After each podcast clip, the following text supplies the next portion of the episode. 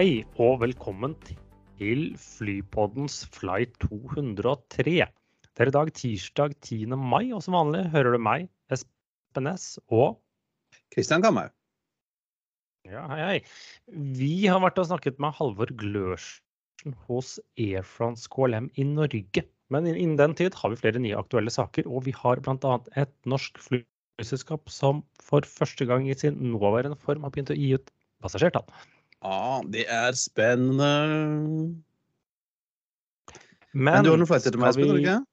Vi har noen flighter. Det er, det er ikke det vanskeligste. Vi bare raser gjennom det. TU 203 JUL til TUN med en 330. Er, er det tuniser? Det er tuniser, ja.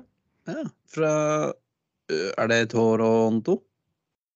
Montreal. Montreal. Montreal til Tunis? Ja. Den visste jeg ikke at ja. fantes, faktisk. Nei, den, eh, det var egentlig den mest spennende, forresten. Nå kommer to litt sånn du bør klare. AA 203 AMS til PHL med en 7878. American Amsterdam til Philadelphia, Pennsylvania. Mm. DL 203 ATH til JFK med en 330 300. Da har vi Delta Aten til JFK, altså. Eh, ja, hva, er det noe felles? Det går over Ja. Atlanteren, da. Ja, det var det. Jeg hadde egentlig, jeg fant den Tunisia-flighten, skulle lage noe veldig morsomt og aktuelt, og så fant jeg liksom ikke tre som var spennende, som matchet, så da ble det ja. Men eh, det er jo eh, vil jo si at det har blitt lettere å finne flighter som går, Espen. Det var jo en periode hvor vi sleit litt med å finne flighter som gikk. Ja da, har, eh, det er jo flere flighter som går, så lenge flyselskapene kansellerer dem, da. Men mer om det siden. Ja. Og så har vi to flyulykker og en flytype. Skal vi begynne med flyulykken, Espen? Vi begynner med den første. Den kan man bl.a. se på TV. Ja, den første, første her, altså Avianca 203, eh, en 72700 fra Bogotá til Cali. 27.11. Eh, 1989. 107 personer om bord. Eh, ble sprengt av en bombe på 13 000 fot over eh, Suaca. Og tre personer ble, på bakken ble drept av fallende vrakrester. Og som du sa, Espen, denne hendelsen dukker opp i Netflix-serien Narcos. Har du sett den, Espen? Ja, den er bra. Veldig bra løp å se. Det finnes, jeg har sett to-tre sesonger, tror jeg. Og så finnes det en Narcos Mexico. Den har jeg ikke fått med ennå. Uh, I sesong én, episode seks, så dukker denne opp. Uh, for denne bombe... Denne ble dratt ned med en bombe, og bombeningen ble bestilt, visstnok, av Pablo Escobar. Og planen var å drepe presidentkandidat eh, Cæsar Gavria Trujillo, som jo skulle vært om bord. Han var ikke det, men han, han ble senere president. Det var jo ikke planen til, eh, til Pablo i det hele tatt. Eh, To amerikanske statsborgere som var om bord, ble drept, og det var delvis en årsak til at Bush-administrasjonen da økte samarbeidet med colombianerne og vi ga dem mer intel for å eh, Pablo Escobar. Som de jo, uten å spoile Narcos, eh, klarte. På et vis. Ja, det trenger man ikke å spoile. Det gikk jo ikke så nødvendigvis oppover etter det. Men vi har en Flight 203 til fra et flyselskap jeg skal innrømme ikke hadde hørt på navnet om før. Nei, dette er lenger tilbake i eh, tid. 21.1.1985. Eh, En eh, Lockheed Electra som vi var innom i episode 188. Fra charterselskapet Galaxy Airlines. 65 pax, eh, seks crew. Skulle fly uh, Reno, Nevada til Minneapolis. En sånn charter skulle fly hjem igjen etter å ha vært, hatt på sånn gambling Superbowl-tur i Reno. Og på takeoff opplevde de ekstreme vibrasjoner. Og hvis det var en sånn luke i framdelen av vingen som skulle være sånn Da var de putta inn en starter tror jeg, til motorene. En motorstarter-dings. Visstnok. Et eller annet sånt. Eh, og den, den var åpen, så den eh, førte til at flyet vibrerte veldig, veldig mye vibrasjoner i, i flyet. Eh, og for å sånn, redusere dette, så, så reduserte de kraften på alle fire motorene samtidig. Eh, Det var ikke så smart. Så på vei tilbake til flyplassen så mistet høyde og styrte 2,4 km fra rullebanen. Og vrakrester ble spredd utover et stort område, bl.a. motorveien. Tre personer overlevde opprinnelig styrten, mens to døde av skadene senere på sykehus. Og han ene som overlevde, eh, var en 17 år gammel gutt som, eh, hvis jeg leser riktig, ble funnet nesten helt uskadd. Fremdeles sittende i setet sitt, eh, rett opp og ned på bakken. Da har du liksom, Ja. da har du flaks i livet, på et vis. Ja, er Da har du lykkes bra. Eh, Men altså, vi- ganske stygg ulykke ellers. Ja, og Locket Electra var jo ikke uh, ung og lovende i 1985. Den var jo ikke Nei, og det var jo sånn typisk sånn, de som fløy var jo litt sånne charterselskaper som inn i enden av eh, Langt ned i næringskjeden, egentlig. Ja. Og så har vi et uh, Boeing-fly, fant jeg. Et Boeing-fly uten sju. Ja, Boeing modell Ja, det er bare de nye flyene. Det er heller nye og nye. Eh, Men Boeing modell 203, det var en treseters sånn uh, biplan eh, med to vinger. Eh, Et slags treningsfly som Boeing bygde på slutten av 1920-tallet, som er brukt på deres egen flyskole. Den eh, hadde jeg ikke, kjente jeg ikke til, så den eh, var fin. Det var jo helt fra Boeing 247 at de begynte med disse syvtallene. Ja, mm, ja mulig. Men Ja, Det får vi komme eh, tilbake til i jeg hadde ikke episode hørt om den her før Nei. Et eller annet. Ja. Nei, jeg hadde ikke hørt om denne modellen før eh, Google fant det til. Nei. Nei, Jeg får komme tilbake til det i episode 247, da, om eh, et års tid. Ja, det blir vel kanskje høst? Nei, ja, nei, det blir vel på vinteren. Men Ja. aktuelt. Vi begynner uh, med Flyr, uh, som vi jo snakket, med, snakket i, med, sammen med i forrige episode. Og vi har funnet, uh, masse, fått masse gode innspill på den konkurransen som vi lanserte. Vi trekker vinnere av konkurransen neste, neste episode.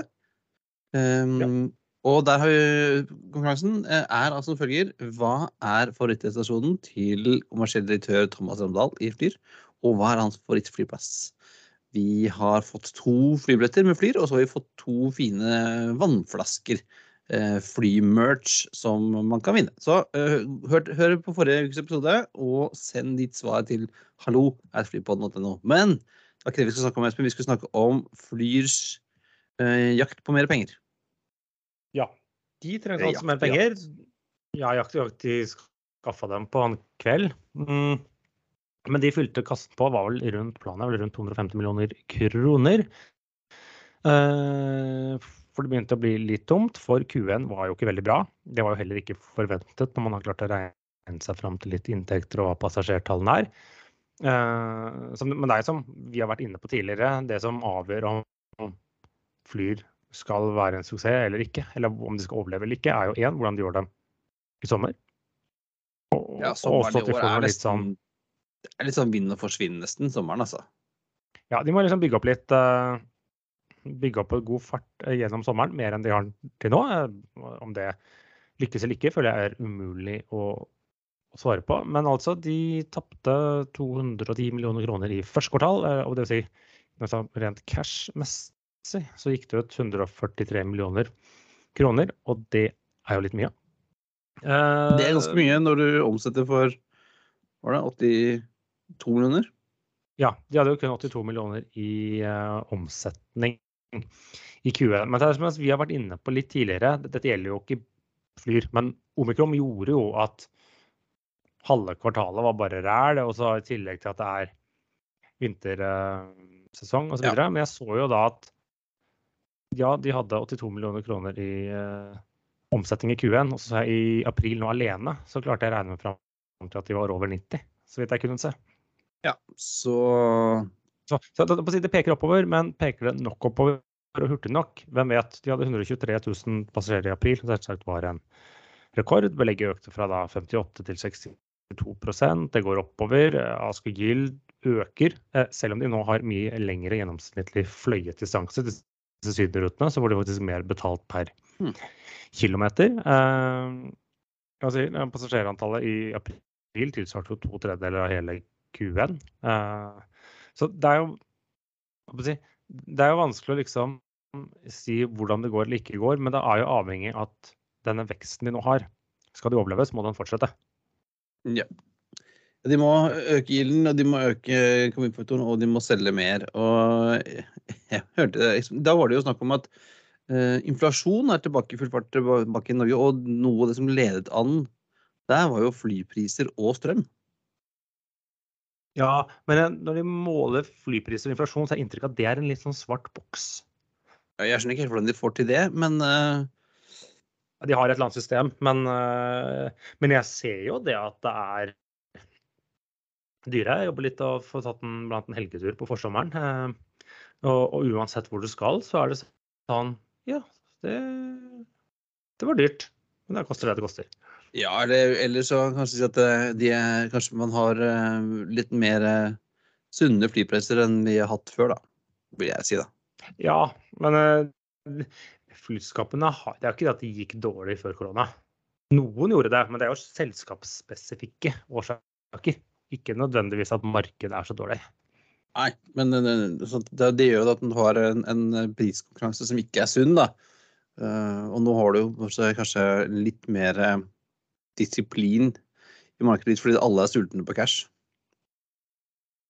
Jo, det ja. Og det at det er vi kommer litt tilbake til det siden, men det er jo jevnt over mannskapsmangel både på bakken og luften og overalt. Og de klarer jo ikke å skaffe nok crew eller noen også nok fly til å fly flyprogrammene sine. Så det løser seg jo litt sånn at kapasiteten er tidvis litt sprengt på en del områder. Ja, det er en litt annen verden enn vi hadde i gamle dager, i 2019. Eh, og eh, en gjeng som har klart det, det stykket liksom å, å balansere eh, etterspørsel og, og, um, og, tilbud og priser, er jo de amerikanske flyselskapene som har gjort det bra en god stund. Gjorde det veldig ja, bra før covid. Ja, det er korona, men ja, de amerikanske selskapene tjente jo gress med penger. Egentlig så kom det noe som het um, korona. Og så, vi har vært inne på at de, det tar oss glidende over til neste sted, er at det er noen som prøver å kjøpe hverandre, og noen som vil kjøpes, noen som ikke vil kjøpes. Så ja. Ja, en stund eh, for Det var vel i eh, vinter som eh, Frontier la inn et bud på Spirit. Og Frontier og Spirit er jo begge de som de kaller seg for ULCC-er, Ultra Low Cost Carriers, i USA. og har et sånt ikke veldig overlappende rutenett. Skulle passe godt sammen, og så blanda JetBlue seg inn. Kommer med et høyere bud, men nå sier styret i Spirit at de ikke vil eh, anbefale budet fra JetBlue, og vil fremdeles anbefale budet fra Frontier. Ja. Eh. Og dette argumenterer de med at de føler at de er så redd for at konkurransemyndighetene enten ikke vil godkjenne oppkjøpet, eller iallfall ikke godkjenne det uten at de må gi fra seg såpass mye verdier at, det, at de mener at eh, det er en dårlig deal. Ja, og det er, som jeg snakket om tidligere, det er jo litt overlapp mellom, mellom Spirit og JetBlue. Mm, I hvert fall sånn rutekartmessig. Uh, ja, spesielt, JetBlue og... De har på noen flyselskaper hvor det rett og slett er eller flyplasser uh, hvor det er litt sånn uh, begrensninger å få tak i nok gater og sånne ting. Det er kanskje der det, det står litt på. Ja, og så er jo JetBlue allerede i en eller annen konflikt med, med Justisdepartementet i USA pga. denne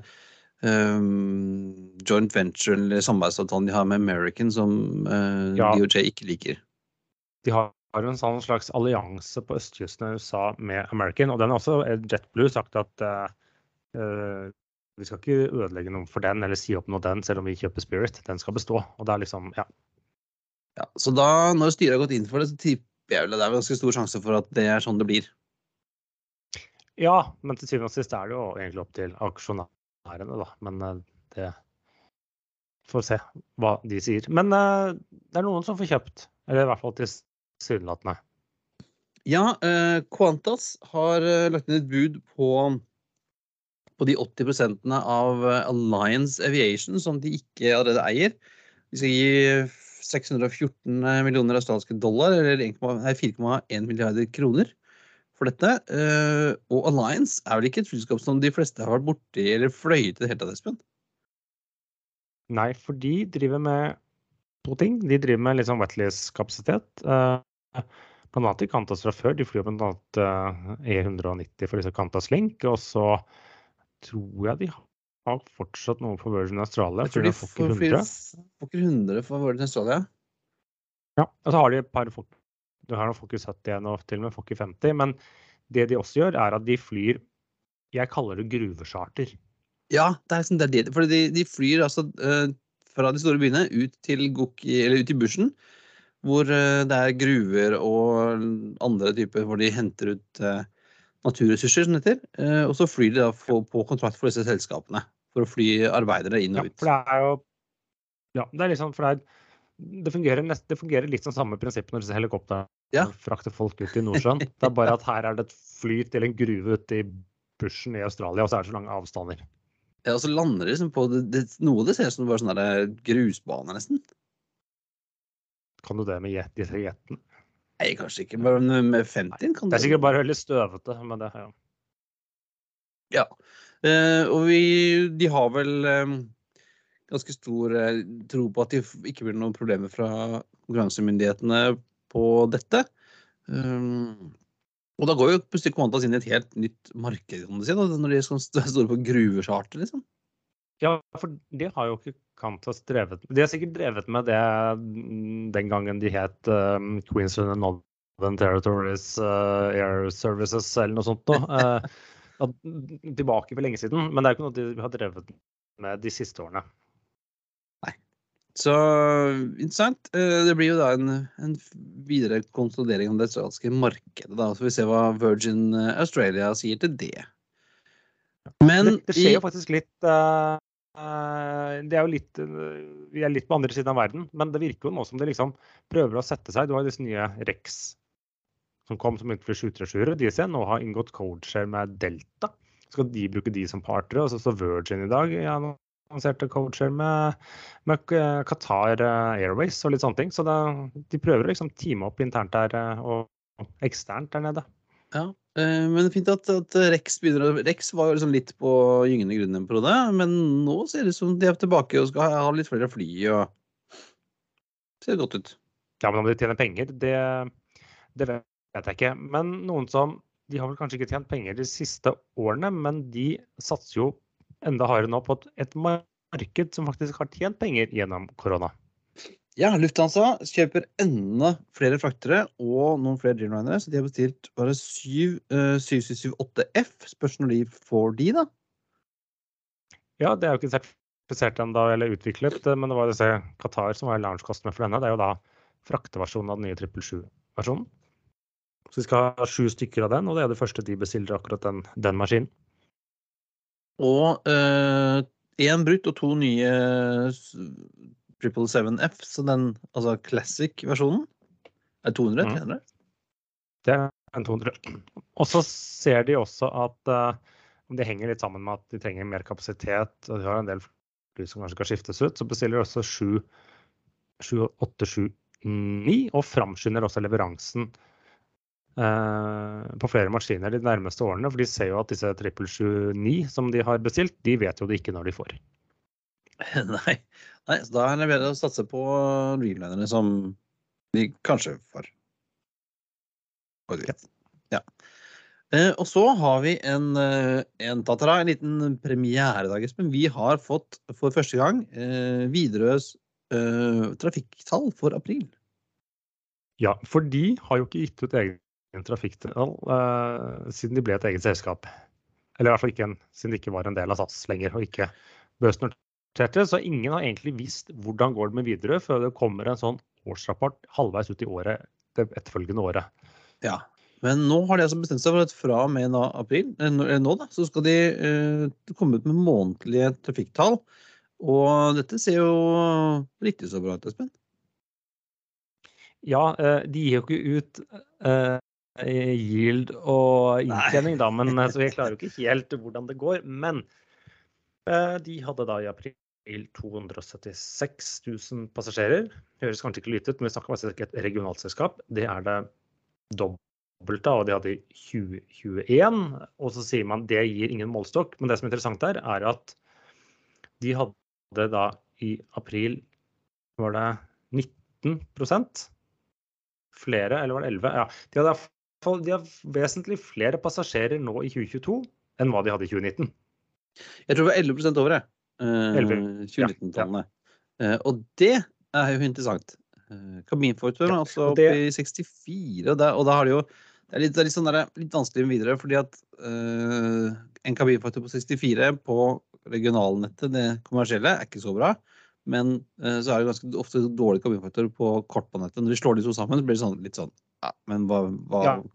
sies? kabinfaktoren til um, Widerøe, du kan egentlig bare Tallet i seg selv er uinteressant, men utviklingen eh, sier noe. For det er jo det er ikke noe hemmelighet at eh, disse anbudsrutene har jo ekstremt lav eh, kabinfaktor. Det er jo litt derfor de har blitt uh, Derfor de er på anbud, si. det de også, ja, det er litt derfor de er på anbud, ja. For at eh, noen skal betales for å fly halvtomme fly.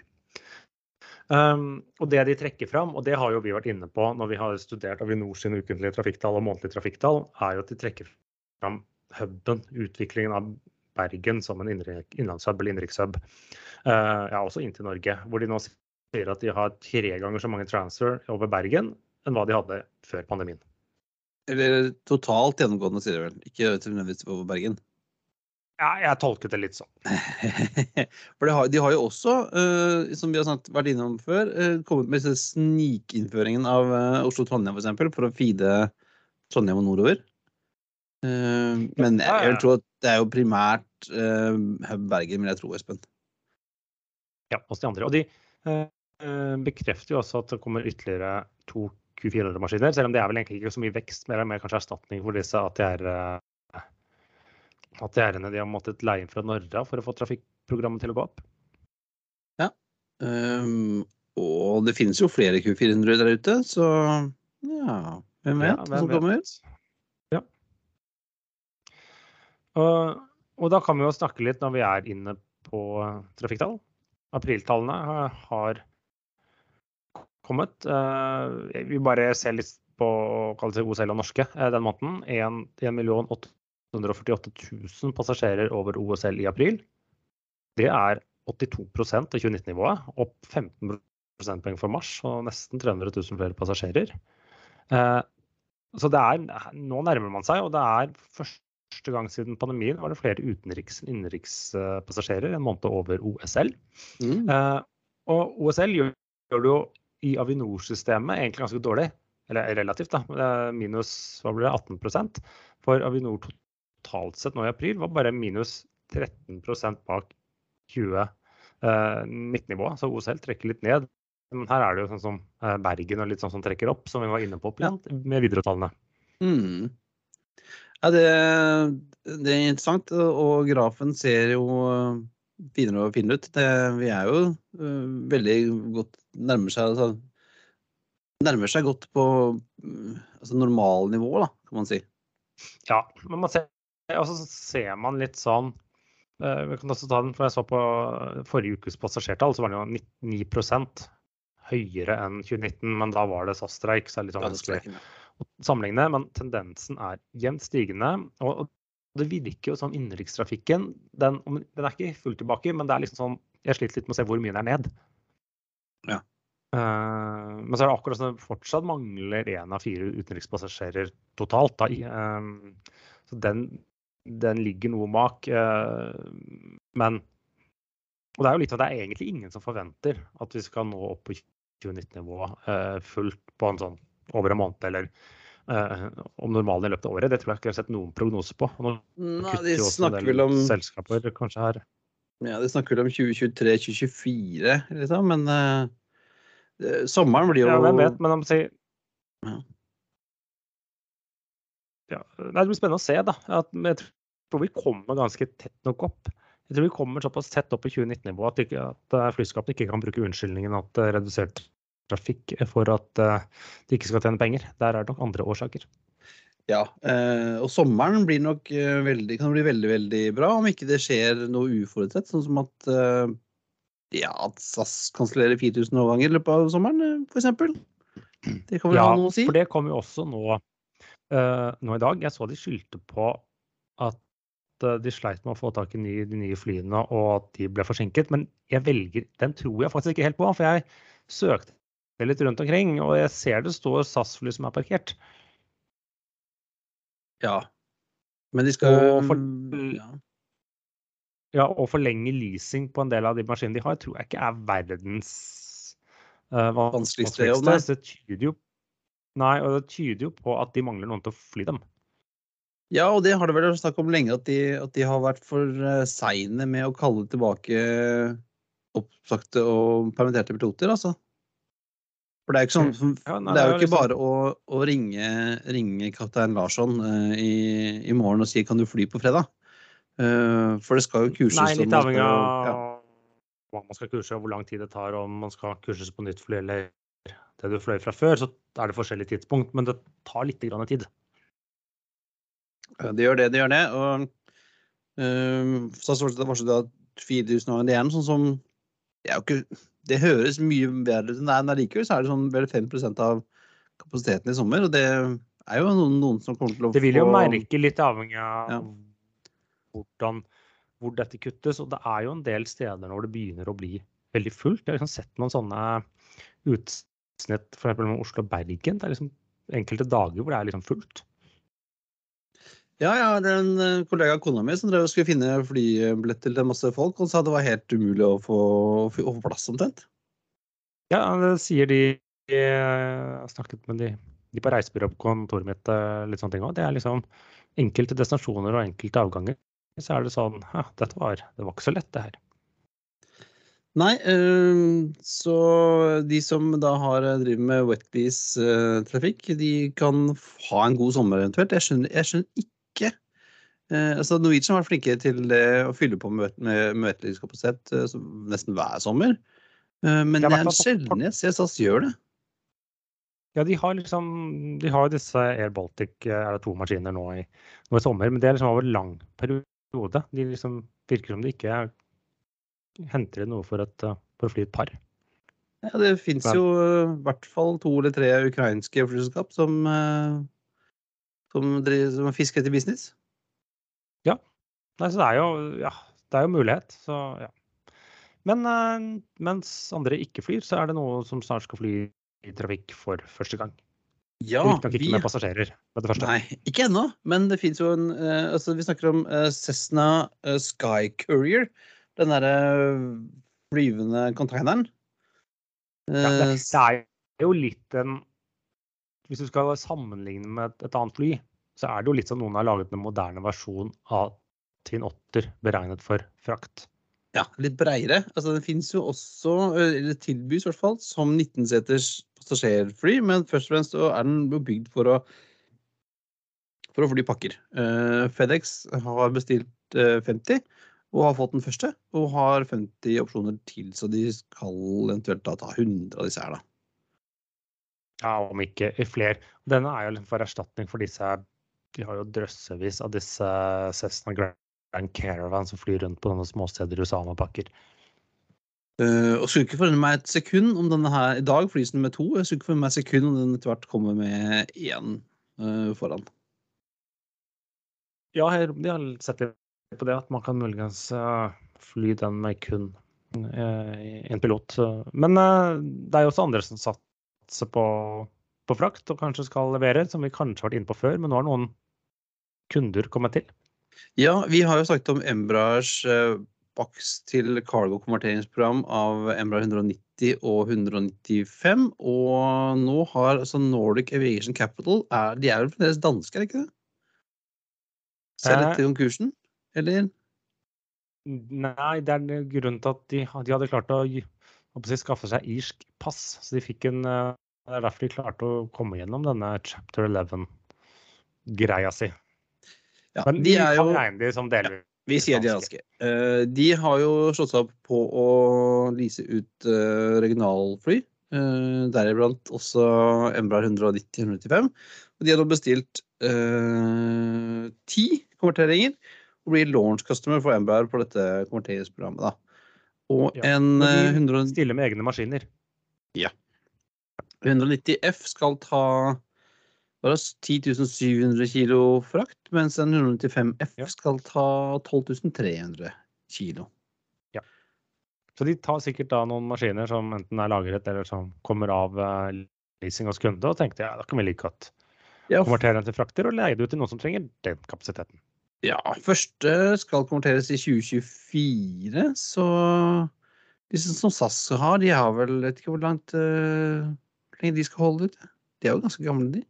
Eh, Ja, de ja, gamle, men de eies jo også av noen uh, noen andre. Uh, og så er det vi har et nytt selskap på vei som har presentert sitt første fly, eller i hvert fall kommet ut i flyluft.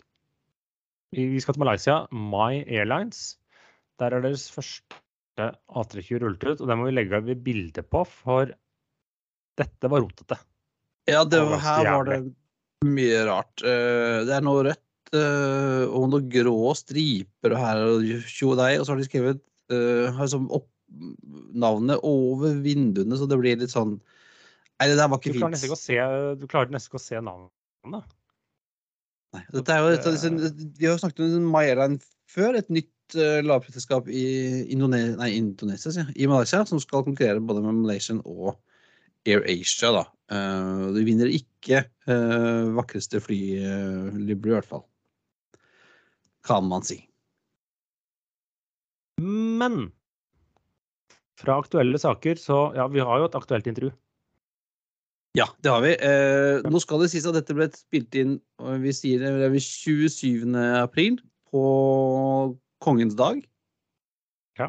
i Nederland. Um, vi har snakket med norgessjefen for Air France KLM. Eh, ja. Halvor Gjørsen. Halvor Glørsen, ja. Så han er sjef for ja, Air France KLM, og snakker jo litt om uh, ja, deres posisjon i Norge og hva de satser på, så skal vi bare høre på intervjuet. De setter, setter over til oss og Halvor.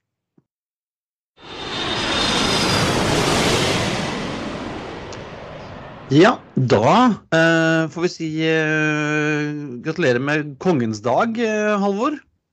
Takk. Det er jo 27. april, og det er jo da nederlenderne feirer kongedagen sin. Ja, det er alvorlig for nederlenderne. Ja. Halvor Gløsen, du er, er det sjef for KLM i Norge? For Air France KLM i Norge, ja. Air France KLM, selvfølgelig. Og um, velkommen til Flypodden. Takk. Hvordan blir man en sånn? Ja, Det er et godt spørsmål, det ikke, men det er ikke noe fasitsvar på det. Uh, jeg har vært mange år i reiselivsbransjen. Før det en god del år i IT-bransjen. Så livet er jo litt eh, sånn fullt av tilfeldigheter. Eh, men jeg begynte i reiselivet i 1995, og den gang hos flyspesialisten Reisebyrå AS. Så har det jo ballet på seg, så jeg var jo da i, som senere da skiftet navn til Via Travel og Via Travel Group, og så videre til Agencia. Så jeg var jo da i ti år så var jeg jo ansvarlig da i Via Travel Group og Agencia for uh, alle leverandøravtalene som vi hadde i Norden. Da fikk du et godt, godt forhold til Air France KLM, da? eller? Uh, ja, ikke bare til de, men til mange flyselskaper. Og hotellkjeder, leiebilselskaper osv. Så, videre. eh, så så da kommer vi jo tett på og, og, og, og lærer jo litt om eh, hva de fokuserer på. Ja. Og hvor lenge har du hatt dagens uh, stilling? Du, det er har bikket akkurat fem år. Ja. Så det har jo vært en stund. Og det har jo vært hva skal jeg si for noe, eh, både opp- og nedturer. Jeg har da tre, tre, veldig bra år og to kanskje litt, litt dårligere i det siste? Ja, absolutt. Ja. Men, eh, men, men, heldigvis så begynner vi å se lyset i enden av tunnelen, og vel så det. Ja, for hvordan, hvis vi nå, nå som pandemien er litt er på hell, eh, hvor mye er KLM, Air France og KLM tilbake nå på det norske markedet sammenlignet med før pandemien? Er det noe som mangler fortsatt? Ja, altså vi, eh, vi, har gjennom mange år hatt en, en, en god tilstedeværelse i, i, Norge. Eh, og Air France hadde jo før pandemien to nei, daglige avganger både fra Bergen og Oslo til Paris. Og KLM hadde jo daglige flyvninger fra Oslo, Sandefjord, Kristiansand, Stavanger, Bergen, Ålesund og Trondheim. Til. Det er nesten sånn, Hvilke stamflyplasser var det KLM ikke fløy fra? Ja, det kan du på mange måter si, da. Men eh, vi var i hvert fall ikke nord for, eh, nord for Trondheim. Eh, men, og da hadde vi altså, på den tiden i 2019 og før pandemien, så hadde vi 31 daglige avganger til Amsterdam og Paris. Men så ble det jo bråstopp 12.3.2020. Ja, hvordan har de, de, årene vært, egentlig? Ja, det har vært, det har vært vanskelig. Jo, vi gikk jo altså fra 31 daglige avganger i begynnelsen av mars 2020. Og så gikk vi altså til mai-juni hvor vi hadde én daglig avgang fra Oslo til Amsterdam. Ja. Og det er jo dramatiske uh, endringer.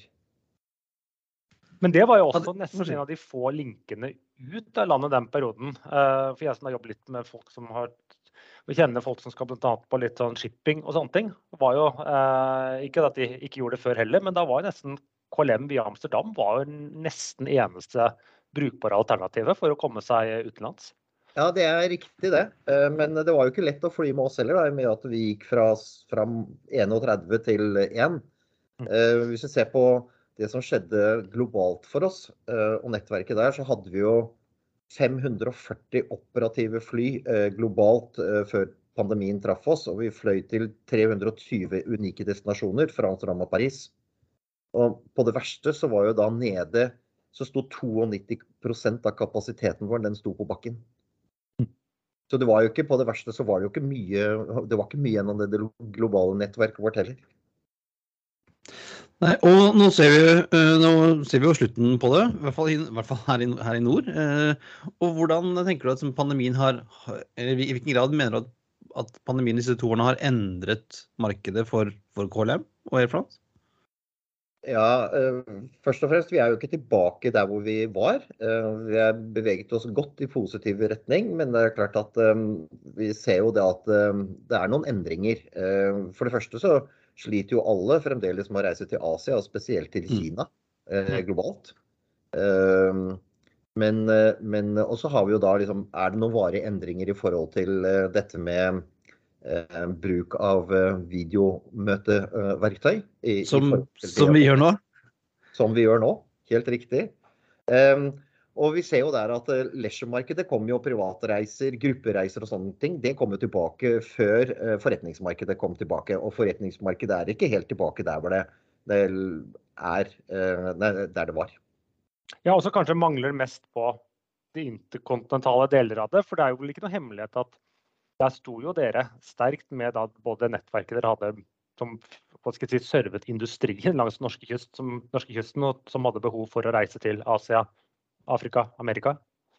Du, det er helt riktig. Eh, og det vi ser i dag, er jo at eh, det, det er jo først og fremst eh, europatrafikken som har kommet mest tilbake i dag. Mm. Det, er, det utvikler seg positivt til Nord-Amerika, Sør-Amerika og også delvis til Afrika. Det gjør det. Eh, men det er fremdeles, eh, fremdeles, fremdeles hull. Og som du er inne på, så er det klart at det fotavtrykket vi har langs kysten i Sør-Norge, det gir jo eh, de som reiser fra disse, disse byene, gode muligheter for å komme raskt ut i verden med et stopp enten i Amsterdam eller i Paris.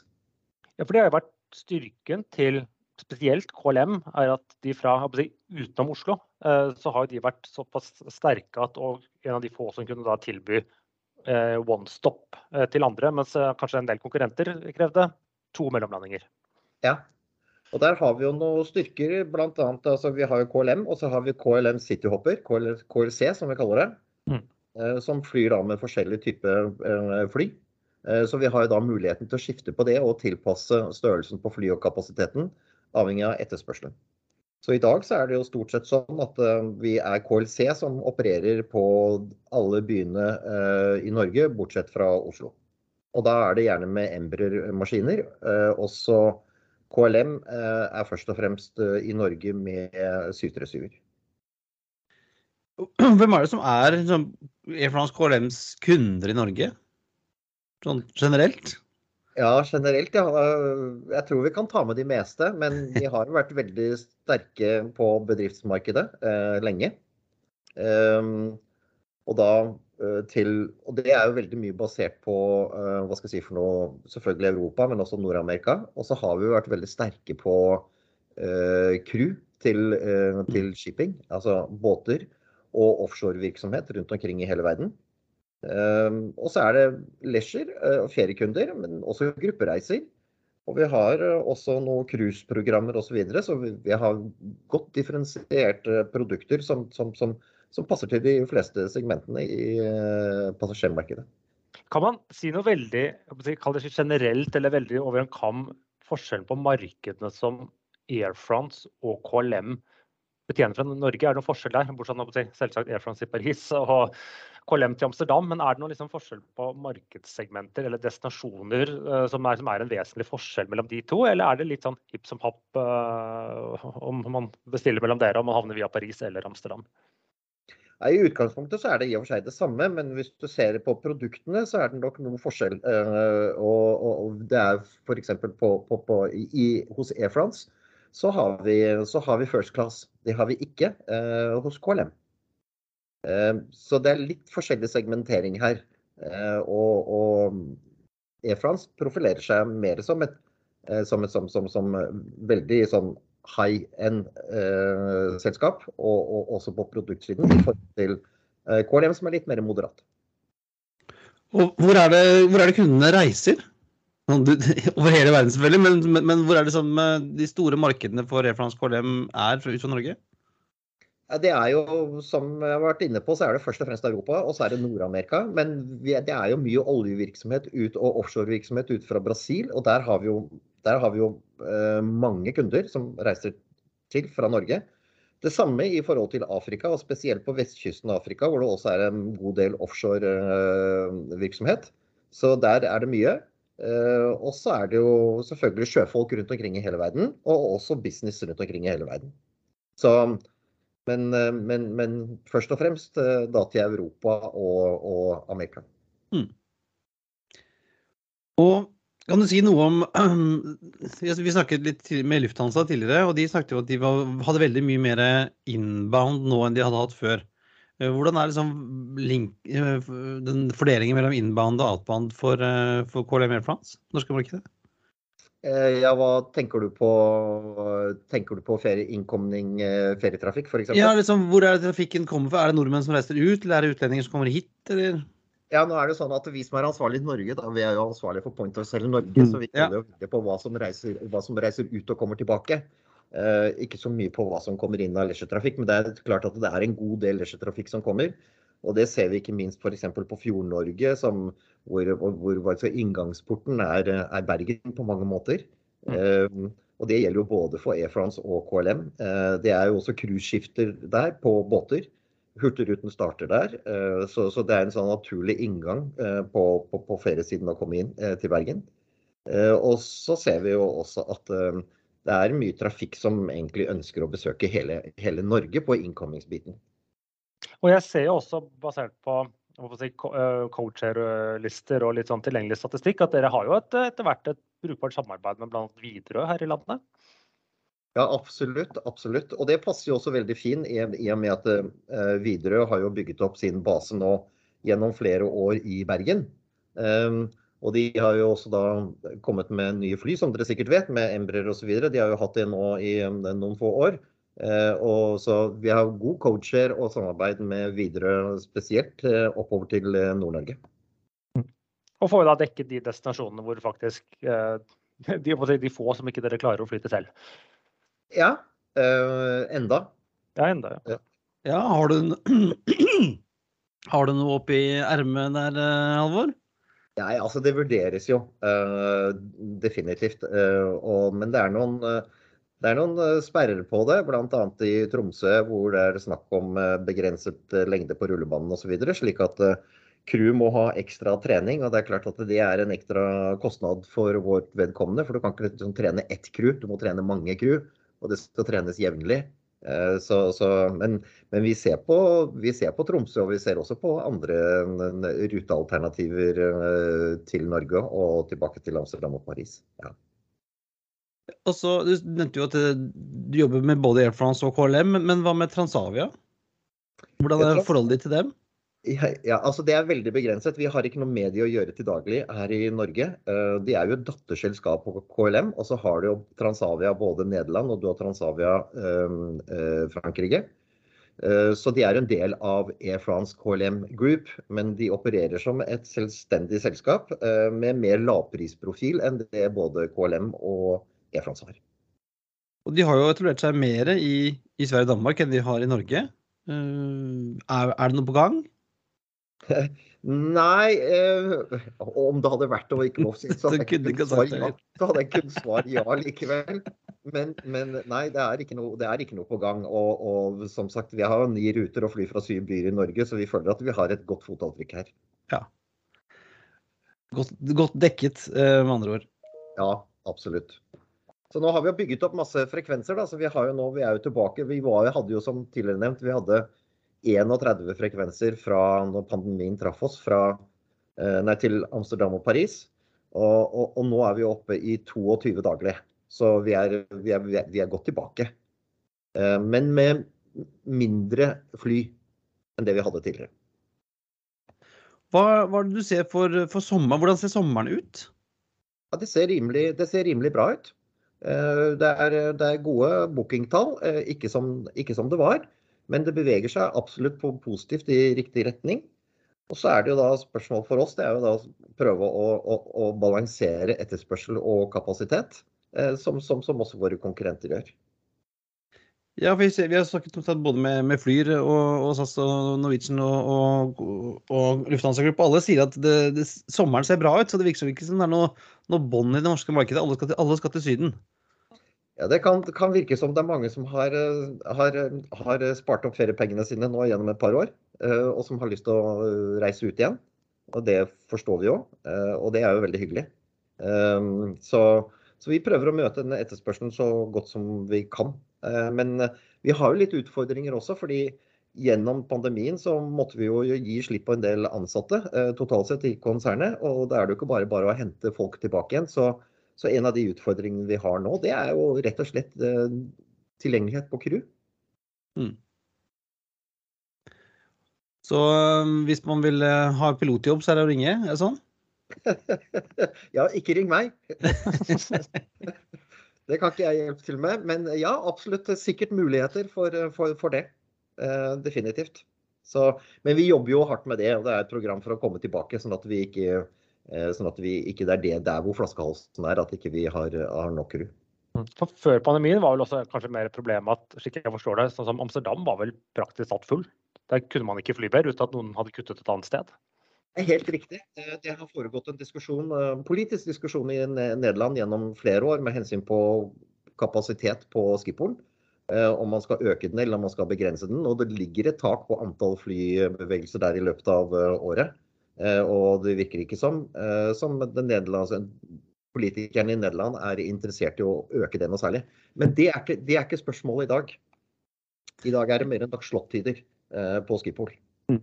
Men så har man jo hatt da kanskje mer kapasitet via Charles de Gaulle. og som, eh, Det finnes positivt og negativt om den flyplassen, men den har jo Air France investert og forbedret ganske betydelig de siste år. Nå har ikke jeg reist via den på lenge, men jeg har sett noen bilder fra den nye blant annet den loungen til Air France og sånne ting, som virker jo veldig, veldig fin. Ja, eh, og det har, nok, det, du, det har du helt rett i. Eh, Og det er nok mye mer stabilitet nå i dag i og rundt Charles de Gaulle enn det var tidligere. Eh, Da var jo Charles de Gaulle var jo kjent for, eh, for streiker. Eh, Og det har jo stabilisert seg, men det er nok et inntrykk som fremdeles sitter igjen i, i den norske befolkningen og de som har lyst til å reise. At det kan være utfordringer i forbindelse med Charles de Gaulle. Jeg pleier å si Ja, at det er et litt, eh, så er det jo litt forskjell ved at Air France har jo sin egen dedikerte terminal der, mens kanskje noen av konkurrentene bruker den berømte smultringen der, som er kanskje litt, litt utdatert. Ja. Jeg prøver å si at det er et godt, eh, godt vårtegn når de franske flygelederne går i streik. Ja, jeg vet ikke hva jeg skal kommentere eller si om det. Jeg kan like greit la være. Men vi har noen spørsmål på, på tampen, eh, herr Halvor. Og det første er ganske lett, tror jeg. Det er vindu eller midtgang. Midtgang. Eh, og så spørsmål nummer to. Hva er din favorittflyplass? Og det må være Schiphol. Hvorfor det? Effektiv. Har du, har du, noen, har du noen gode tips eh, til, til eh, å slå i hjel tid, f.eks. på Skippo? Nei, ikke spesielt. Det finnes jo mange tilbud der. eh, Men eh, nei, jeg har ikke noen sånne spesielle favoritter med hensyn på hvor jeg eventuelt går og spiser, eller hvor jeg går og slapper av osv. Det har jeg ikke. Og så er jeg jo heldig, da, for jeg har jo tilgang når jeg skal reise ut, så har jeg som regel tilgang til eh, lounge, og da kan jeg sitte der og jobbe litt og, og, og se på ting før jeg skal om bord i flyet. Er du, er du ofte tilbake i Amsterdam hos uh, The Mothership? Eh, Du, jeg har ikke vært der siden før pandemien, så, så jeg gleder meg til det. Vi har så vidt begynt å reise litt igjen, vi også. Og uh, siste spørsmål, det er alltid litt interessant. Det er hvis du skulle velge én destinasjon å reise tilbake til resten av livet, hvilken destinasjon er det? Åh, da, jøss, ja, nei, jeg har vært heldig, da. For jeg har fått lov til å se en god del av verden. Jeg har vært på mange kontinenter osv. Men eh, jeg er fascinert av Rio de Janeiro. Det er jeg. Du har vært der ofte? Jeg har vært der to ganger, men jeg har ikke noe problem med å reise dit en gang til. Hva er det, hva er det som er så spesielt der? Første som ser. Og, øh, jeg, det er jo ikke noe altså det jeg vet ikke, det er atmosfæren, det er stedet. Jeg syns det er mye glade og hyggelige mennesker der. Eh, Jeg vet at det er noen som mener at eh, det kan være litt farlig å bevege seg i gatene og sånn. Jeg har ikke opplevd det på noen som helst måte. Jeg har bare opplevd, har positive, positive erfaringer fra både Brasil og fra, fra Rio. Så er det reisetipset for sommeren, eller har du noe, et annet reisetips? Ja, nei, er altså Hvis du har lyst til å reise med, med, med oss, og gjerne fly businessklasse, så skal vi nok få ordnet det for alle de passasjerene som har lyst til det. Eh, ellers så finnes det jo selvfølgelig mange hyggelige destinasjoner i, i eh, Europa. Ikke minst langs, eh, i middelhavslandene. Med det som en eh, god oppfordring til våre lyttere, så sier vi takk for at du ble med på Flypodden i dag, Halvor. Tusen takk også til dere for at jeg fikk lov til å være med. Så vi ønsker lykke til og håper at vi kommer eh, tilbake til 31 daglig eller mer om ikke så altfor lenge. Ja, det hadde vært gøy. vet. Ja, vi er jo ikke tilbake på 31 daglig helt ennå, men eh, det er vel ikke lenge før. Nei, det kommer seg. Det er, det er akkurat som de ligger, ligger litt grann bak på, på frekvensene. Kanskje litt og først og fremst KLM. Og nå har det jo vært noen litt problematisk over Amsterdam eh, de siste par ukene, hvor altså de, de mangler folk. Men eh, de er jo absolutt på vei. Og det som jeg er inne på, de, de har jo det beste, det mest utbygde nettet fra i hvert fall søndre delen av Norge til eh, Europa. Det er jo ingen som flyr til så mange destinasjoner til en hub. Nei, nei du har, for jeg tenkte du, du har jo både Ja, Wizz Air flyr til ganske mange byer. Men ikke, Jo, men da samme kommer du til Øst-Europa, så kommer du ikke videre. Du kommer ikke til en hub hvor du kommer liksom ut i, ut i hele verden. Og det er jo ikke Det er noen destinasjoner ikke flytter men det er norskekysten opp til Trondheim er godt dekket av KLM. Ja, eh, og jeg skjønner jo at eh, våre venner i Lufthansa som vi pratet med tidligere, også vil ta noe med markedet. For KLM har jo på en måte kunnet leve, leve godt på å liksom støvsuge hele Vestlandet for eh, trafikk ned til Amsterdam og ut i verden. Men eh, det blir spennende å se eh, hvor, raskt Jeg tror disse kommer eh, tilbake med sin gamle frekvens innen en viss tid. Det blir spennende å se hvor lang tid de trenger på det. Og kanskje det dukker opp lenger nord også. Hvem vet. Og mm, vi har ingen anbefaling her, Espen, men, jo, kan vi kanskje skal anbefale Narcos, da? Ja, se Narcos. Og det er en uke igjen ja, eller av fristen. Også sende inn svar på konkurransen vår, eh, som vi nevnte tidligere, hvis, du ikke allerede har gjort det. Det gjør du. Og det var alt for denne gang. Det er på tide å feste sikkerhetsbeltene, rette opp setet og sikre fritt sikt ut av vinduet ettersom flight 203 går inn for landing. Som vanlig finner du linker til vi har snakket om i dag på flypodden.no. Finn oss på facebook.com slash flypodden, på Twitter av flypodden, Instagram er flypodden og LinkedIn. Har du et spørsmål, vil du invitere oss på flytur, sponse oss, eller du har eh, svar på konkurransen, sender oss en mail på hallo at flypodden.no, eller sender oss en melding på Facebook. Ha det bra. bra. We thank you for flying with us today. We truly appreciate your business and look forward to serving you on a future flight.